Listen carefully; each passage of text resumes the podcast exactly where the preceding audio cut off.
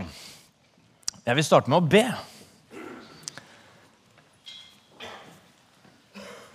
Kjære Jesus, takk for, eh, takk for at du står i ditt ord at du er to eller tre samla om ditt navn, og det er vi nå, så er du midt iblant oss.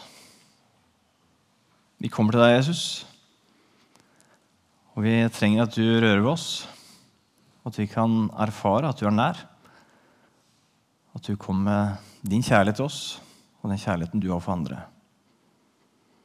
Jeg måtte velsigne det jeg har forberedt, og ber om at, de, ja, ber om at ingen må sovne. Amen. Det er jo veldig kjedelig hvis noen sovner. Men jeg kan jo si at jo, da kommer i hvert fall noe godt ut av talen. da. Kommer litt uthvilt og sånn. Uansett hvor det kommer fra. Det er fint å se dere. Jeg vet ikke med deg, men jeg har begynt å telle ned til menighetstur. Det er tolv dager til vi skal på menighetstur. Ja, ja, Noen stemning for det. Bra. Så det blir veldig fint. Eh, hvis vi får over bildet her, så eh, Ja. Dette er bildet, for vi har lørdagsshow på turen. Og der ser dere Martin. Jeg vet ikke om han andre er, men Der er i hvert fall Martin med ballerinakjole. Så jeg vet ikke om jeg kan love at Martin stiller i det. Men eh, jeg gleder meg i hvert fall veldig. Så det var veldig bra. Som sagt så er vi inne i en uh, taleserie. En serie på taler på hele seks stykker. Og nå er det fjerde, hvor temaet er uh, 'Velkommen hjem'. Og uh, med overskriften 'Ta imot og spis'. For vi ønsker at du skal være velkommen hit til det, dette fellesskapet her. Og vi ønsker å si at du er velkommen til å komme til Jesus. Og i dag så skal jeg snakke om Ditt bord Ditt bord skal jeg snakke om. Og snakke om hvem, hvem har du plass til rundt ditt bord? Hvem, hvem, kan du servere? Og har du plass? Og ditt bord det kan jo være det fysiske bordet du har hjemme, rundt stuebordet, men det kan jo også være ditt liv. Hvis vi går på nett, så er det mye og Hvis du leser i aviser i dag, så er det mye valgkamp det går i. Vi kan jo faktisk stemme i dag også i morgen. Jeg bare sier godt valg og lykke til, alle sammen. Eh, men hvis du går litt lenger ned, eh, hvis du får bildet der Uten noe valg eh, så er det jo litt for, Det er også andre ting som skjer i verden, faktisk. Det er ikke bare valgkamp og de tinga der. Det er jo en storm som herjer. En orkan osv. Hvor mennesker blir berørt av. Og så På onsdag når jeg forberedte meg til talen her, så gikk jeg på nettet og så tenkte jeg, hva er det som skjer. Det var valgkamp, mye, mye av det. Men så scrolla jeg litt ned, lenger ned, og da fant jeg noe som ikke har vært så veldig mye framme. Det er at 41 millioner er ramma av flom i Sør-Asia. 41 millioner er ramma av det. Eh, og det sto at 2000 mennesker hadde dødd til nå, og de venta epidemier som ville føre til, til høyere dødsfall. Og Hvis du trodde at dette med båtflyktninger var noe som var typisk 2016, så er det fremdeles per august så er det 120 000 mennesker, enkeltmennesker, som har flykta fra Syria og den veien der, for, eller andre områder, som har flykta for sitt liv og for et håp om en bedre framtid. Og så er det mennesker som, som må. Når jeg, ser på, jeg kjenner at det gjør vondt å se på det bildet der. For det er mennesker som faktisk er i nød, og som har det tøft. Så jeg kjenner at det gjør vondt. Og så kjenner jeg samtidig at det, så kommer den der, hva kan, hva kan jeg gjøre med det? Det, liksom, det kan bli for mye med det der. Hva kan jeg gjøre? Og så tenker jeg ja, vi er jo i Skien. Det er Skien vi hører til. Men hvis vi kan se på noen tall fra Skien, så er det ikke så rosenrødt her heller. Eh, tall som viser at det er faktisk nesten 1000 mennesker i Skien som er arbeidsledige. 925 mennesker eh, er eh, med denne ledighetsstatistikken per 18.8 i år. Og så er det mange forskjellige statistikker, og sånn, men det er i hvert fall ett som er utgangspunktet. Og når man er arbeidsledig Jeg vet ikke om du har vært det, Eh, så fører det med seg noen ting. Det ene er økonomisk, og det andre er hva skal du fylle dagen med osv. Føler man seg Åssen ser man på seg sjøl i dette her? Eh, og noen andre tall fra Bufetat som eh, snakker om for neste bilde, snakker om barnefattigdom.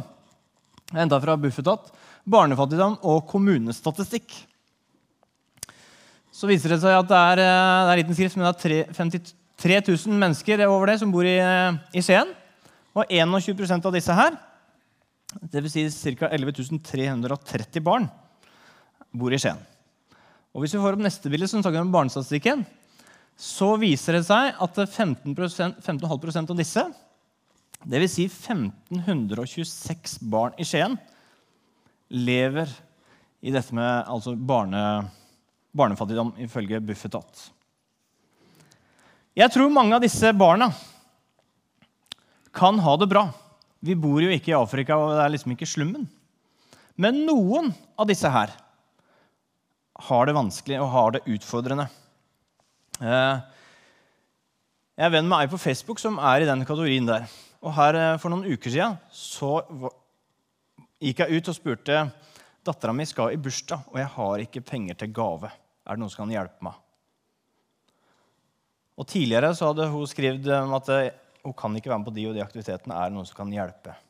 Noen er frimodige og klarer å spørre andre, mens andre kanskje må si nei til at de kan sende barna sine i bursdag osv. Jeg kjenner at det røsker litt når det er snakk om dette her. Og tall viser om inkasso har aldri vært så høy i Norge som det er i dag. Så selv om vi bor i verdens rikeste land, så er det mange som sliter økonomisk. Og noen sier at avstanden avstandene blir større. Så åpner vi øynene, så trenger vi ikke langt for å møte mennesker som har behov. For noen stund siden så snakka jeg med Hedda hva liksom er behovet i Skien. Hedda Foss 4. Og da kom det fram ja, det er dette med utenforskap er det mange som kjenner på. Det å kjenne seg utafor i en eller annen mindre grad.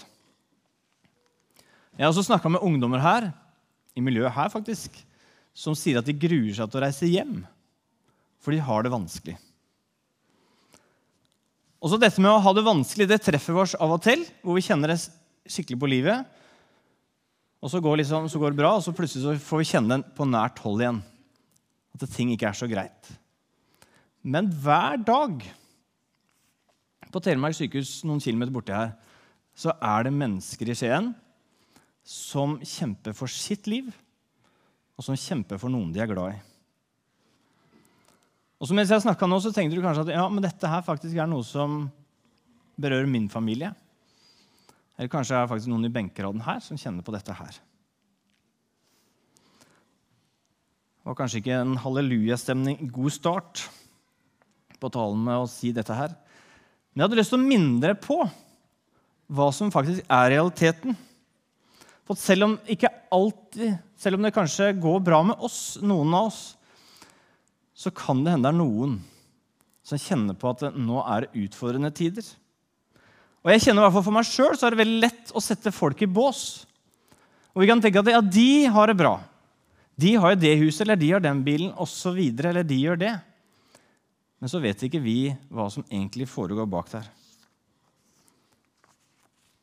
Så i møtet rundt oss, der vi bor, så er det noen som går gjennom vanskelige tider og har det vanskelig. Og som kristne Ordet kristen står ikke i Bibelen, men det om å følge Jesus, da, vi som har valgt det, og vi som sitter her kanskje, så har vi ikke noe valg. For hvis du skal summere opp eh, Bibelen, så er det to ting som er liksom hovedfokuset. Det er enkelt. To ting. Elske Gud og elske vår neste.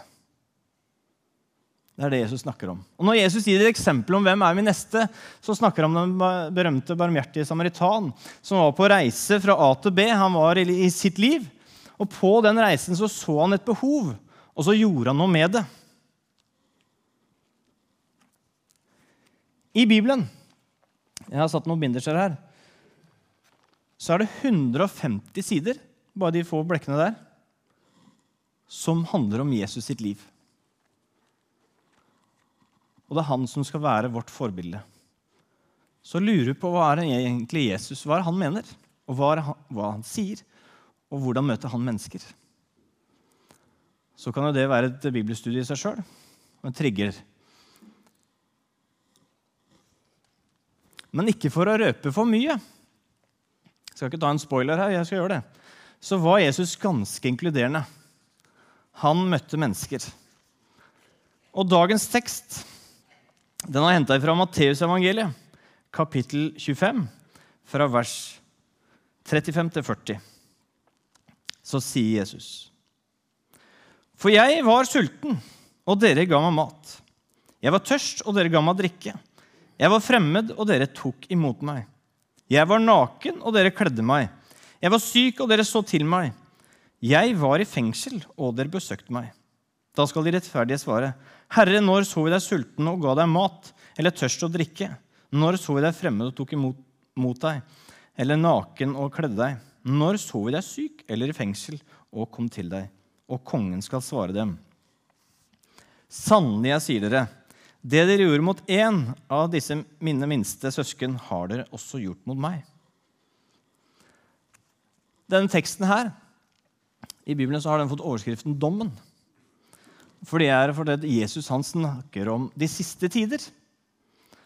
Og hvor i de siste tider så har Jesus et spørsmål til oss.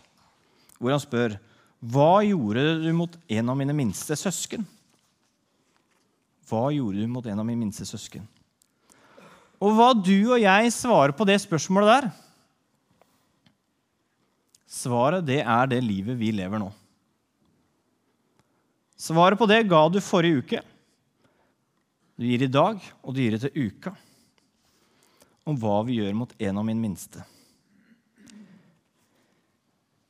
Jeg kjenner det utfordrer meg skikkelig når jeg leser den teksten her. Ganske mye, faktisk. For jeg kjenner sjøl at jeg er, hvis jeg skal være kritisk, så er det ofte fokus på meg og mitt og det jeg skal gjøre. Og så snak, Martin snakka om såmannen, at vi tror gjerne at vi er god jord. Men så tror jeg ikke kanskje jeg sjøl er det bestandig, fordi jeg lar meg styre av mine egne behov og lyster osv. I vår gudsrelasjon så er det noe som må ligge der. Og det er Guds kjærlighet og nåde til oss. Det må alltid ligge der. Som Asbjørn sier, det er nåde pluss ingen, ingenting. Samtidig som vi skal hvile i nåden, så er Jesus ganske utfordrende oss. Jesus han er ikke ute etter at vi skal ha en passiv kjærlighet. Men han er ute etter en kjærlighet som er praktisk. For han sier, 'Jeg var sulten, og dere ga meg mat.' 'Jeg var tørst, og dere ga meg drikke.' 'Jeg var fremmed, og dere tok imot meg.' 'Jeg var naken, og dere kledde meg.' 'Jeg var syk, og dere så til meg. Jeg var i fengsel, og dere besøkte meg. Det er snakk om en kjærlighet som ikke bare ser et behov og føler med det, som tenker oi, oi, stakkars de, da. Uff a meg, han er så tørst. Eller han, han er syk. Uff. Nei, det er snakk om en kjærlighet som gjør noe. Som gir mat og drikke. Han sier 'jeg var naken'. Det var det samme som å si at en, han har mangla noe viktig, og så blei behovet møtt. Jesus utfordrer oss av en kjærlighet som, som gjør noe med det, som møter andres behov. Han sier 'jeg'. Jeg var sulten. Jeg var det. Jeg var det. Jesus han identifiserer seg med de som har det tøft. Vi har ikke en Gud som sitter høyt der oppe. Nei, vi har en Gud som ble menneske. Og Jesus gikk omkring her, og han var fullt og helt menneske samtidig som han var Gud. Så derfor kan han si, 'Jeg var sulten. Jeg var syk. Jeg var tørst', osv. Det står at Jesus han var prøvet i alt. Og livet til Jesus det starta ganske tøft. Jeg tror ikke han merka at han ble født i en stall, men når han var et par år, så måtte han flykte til Egypt. Han var et asylbarn i Egypt. Vi kan lese at når Jesus ble frista, samme som vi gjør Han ble svikta.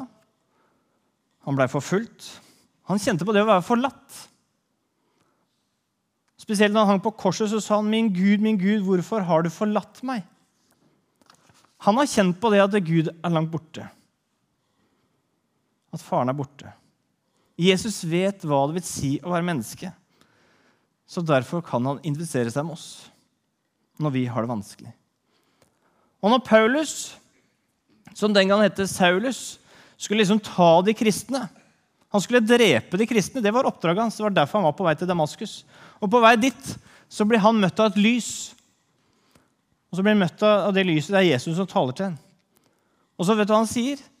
Så sier Jesus til ham, 'Hvorfor forfølger du meg?' Skulle ta, Paulus skulle ta de kristne, men Jesus sier, 'Hvorfor forfølger du meg?' Jesus identifiserer seg med, med de kristne, med de andre. Han sier at det du gjør mot meg, det gjør mot en av mine minste søsken. Og For meg så er det litt skummelt å tenke på. Og det røsker meg litt å si at det jeg gjør mot andre,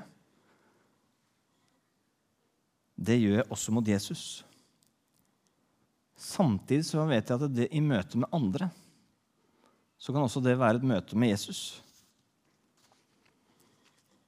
Det er på en måte en skatt, vil jeg si. At i, møte, i det vi møter noen som har det vanskelig, så er det en måte å komme nærmere Jesus på. Ei som heter Mamma Maggie, som egentlig heter Maggie Gobram. Hun starta et barnearbeid i Kairo, i slummen der. Og hun sier, 'Min største drøm er stadig å se Gud smile til meg.' Det gjør han i hvert eneste av de fattige barna jeg møter, sier mamma Maggie. Dette er et privilegium. Jeg kan se og ta på Gud i hvert barn. I hvert lidende barn kan jeg føle Guds hjerterytme. Dette er kjærlighetens mysterium.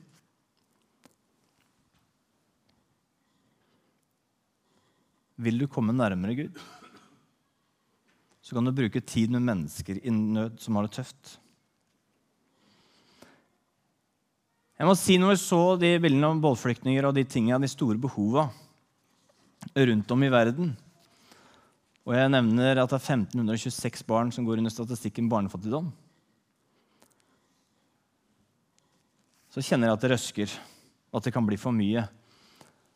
Og så, når jeg hørte det tallet 1500 så tenkte jeg takk og lov for Røde Kors, tenkte jeg da, som driver etter ferie for alle hvor eh, barn med, med familier som har dårlig økonomi, kan få en gratis ferie. Jeg prata med de på Røde Kors. Dette, det tilbudet der det er det lange ventelister på. Og det er mange som blir utenfor. Jeg tenker jeg parentes, Hva kan vi gjøre for de barna?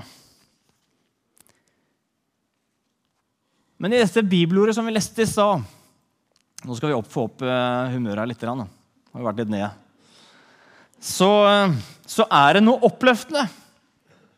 Og sånn er det jo med evangeliet. Det, er liksom, det må komme noe bra. Det er gode nyheter, og det skal det være. Og det skal jeg prøve å komme i dag, altså. Ja, og Det er fra vers 40, så noe Jesus avslutter med. Der sier han Og kongen skal svare dem. Sannelig, jeg sier dere Sannelig, sannelig. Det dere gjorde mot én av disse minste søsken, har dere gjort mot meg. Jesus sier det vi gjorde mot én av disse minste. Spørsmålet er ikke hva vi gjorde med alle de 1526 barna, f.eks. Eller hva du gjorde mot alle de på jobben som hadde det tøft. Men spørsmålet som Jesus stiller oss, hva er det vi gjør mot én av de? Hva gjorde du mot én av de du møter på din vei? Og når jeg leser det, så tenker jeg at ja, Jesus han er en liten luring. Han kjenner oss, han vet at vi har et hektisk liv. Han vet at eh, når vi kommer hjem eller fra jobb, så er det hente først i barnehage, så på eh, skolen, og så er det middag, og så er det ordne sauer hvis du har det, og så ordne veranda, Og så, skal du, så er kvelden der, så skal du møte behov til kona, osv. Og så skal du Og så videre. Så går dager an. Ikke sant? Tida flyr. Vi kan ikke redde hele verden. Og så har jeg skjønt at det å være pensjonist det er ikke noe, Dere har ikke noe mer tid, dere da? Amen, ja. For da har jeg skjønt at da skal man rekke alt det man ikke har fått gjort. Vi har liksom våre liv. Han utfordrer oss. Han vet at vi har vårt liv, og så vet han samtidig at vi er noen egoister. Jeg snakker for meg sjøl, da. Samtidig som han utfordrer oss ganske mye. Sånn litt forsiktig. Til å tenke at du, det behovet der, det blir for mye. Det klarer jeg ikke. Men til å trigge oss litt. Du skal ikke møte alle, men du kan møte én og én. Jesus sier 'begynn med den ene'. Og Hvis vi ser på disse Nå skal jeg spoile, jeg vet ikke om jeg kan bruke spoile litt til, og avsløre litt til. Av de 150 sidene her så er det stort sett hvor Jesus møter mennesker. Og det handler om at Jesus møter én og én. Jesus kalte disiplene med navn, én og én. Han møter mennesker i alle situasjoner.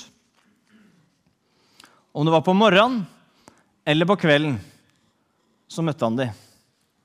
Han var sikkert sliten noen ganger. Han Hadde sikkert lyst til å legge seg.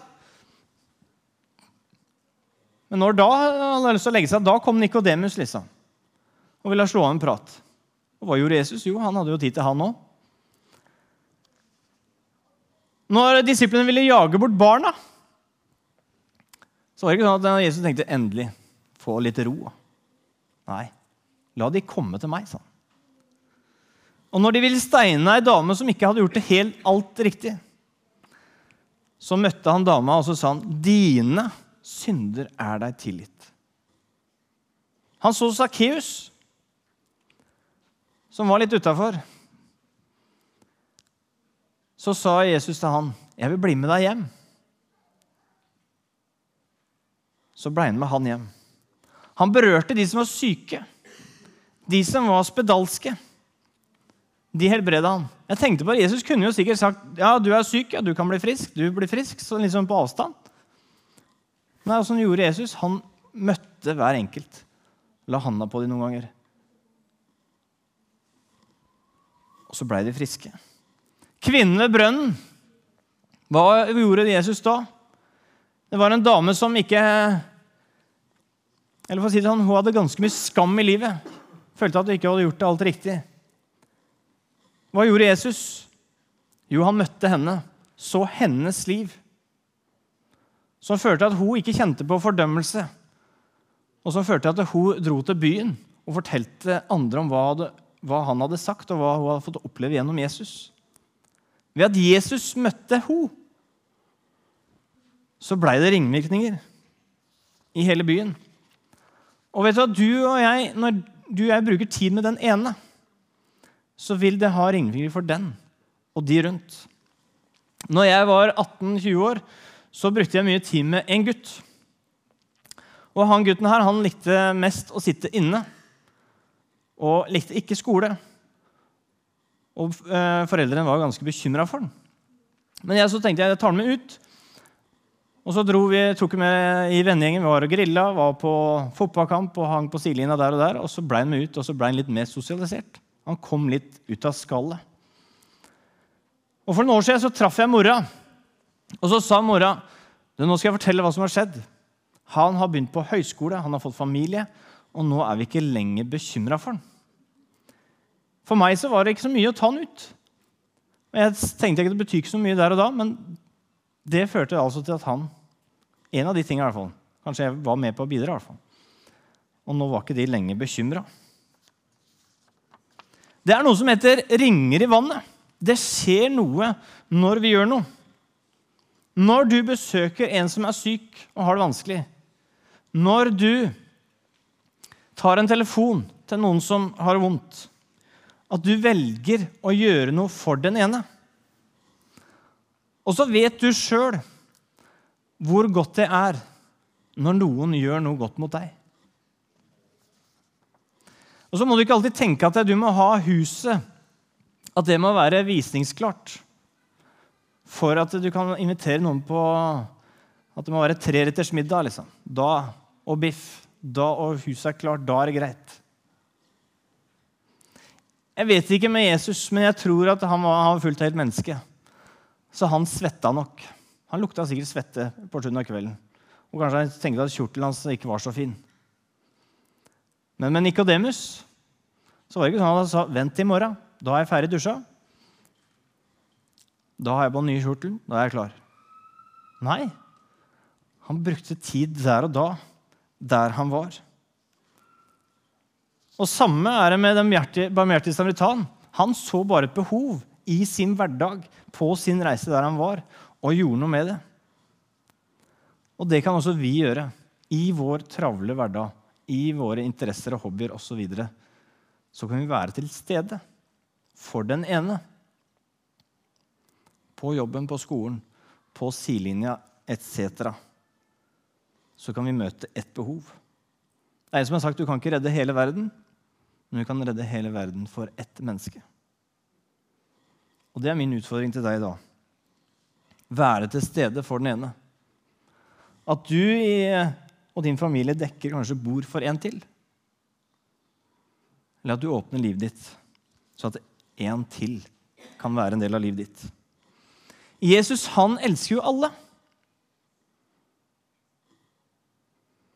Og Jesus sitt ønske er at alle skal ha det bra. Det er slik jeg leser det her. Samtidig som vi vet at vi har noen skjøre kropper. Ting kan skje. Vi lever i denne verden her. Vi er ikke fritatt fra noen ting. Og Samtidig så er det mennesker rundt oss som kan gjøre valg for oss. Eller vi gjør egne valg, som at ting ikke behøver å være så bra. Og så har han satt meg og deg her med armer og føtter og bein, hvor vi skal få lov til å være han. Og spørsmålet som han kommer til å stille til oss, faktisk, han spør meg i hvert fall, Torbjørn, hva gjorde du mot en av mine minste?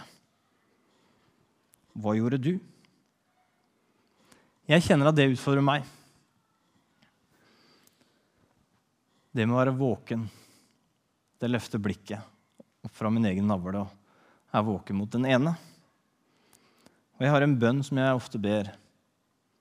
Og det er sånn Kjære Jesus, hjelp meg til å ha dine øyne, dine armer og dine føtter, så jeg kan se de rundt meg. Jeg kjenner jeg trenger det.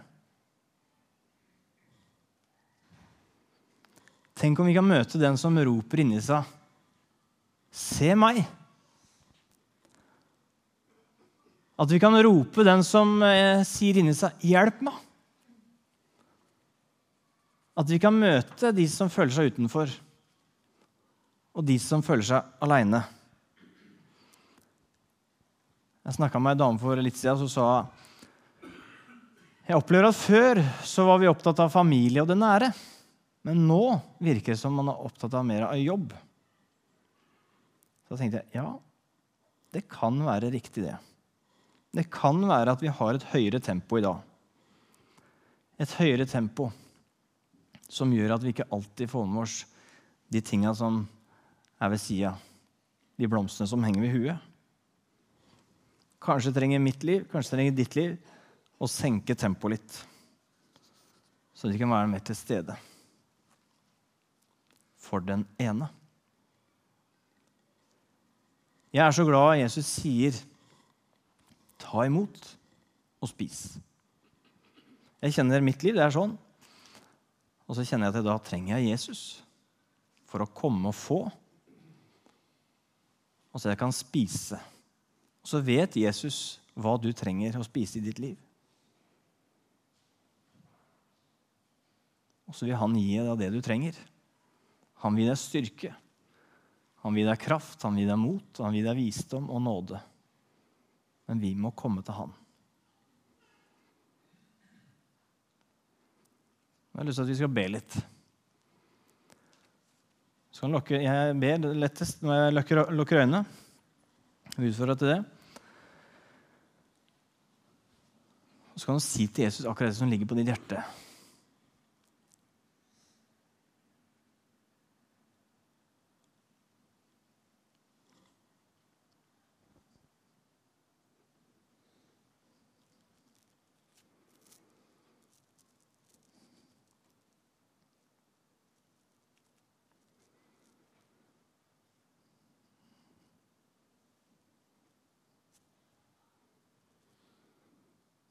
Jesus, du kjenner vår liv.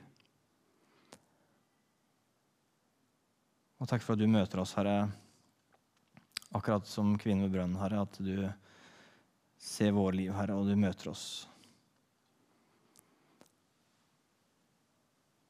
Så ber jeg deg samtidig at du må utfordre oss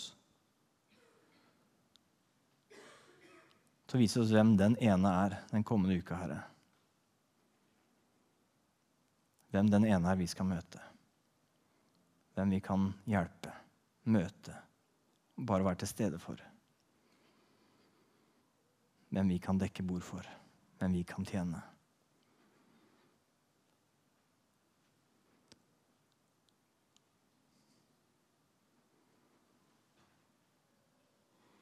Nå kan låtsangslederen komme opp.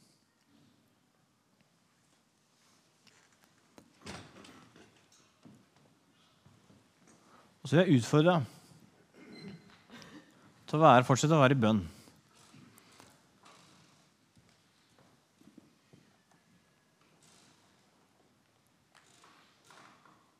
Det blir mulighet til å tenne lys og skrive bønnelapp for noen. Og hvis du kjenner at ja, jeg, jeg, trenger mer av Jesus, så kan du si det til han akkurat der du står. Og hvis du kjenner at du har det godt hvis noen ba for deg og velsigna livet ditt, så utfordrer jeg deg til å gå bak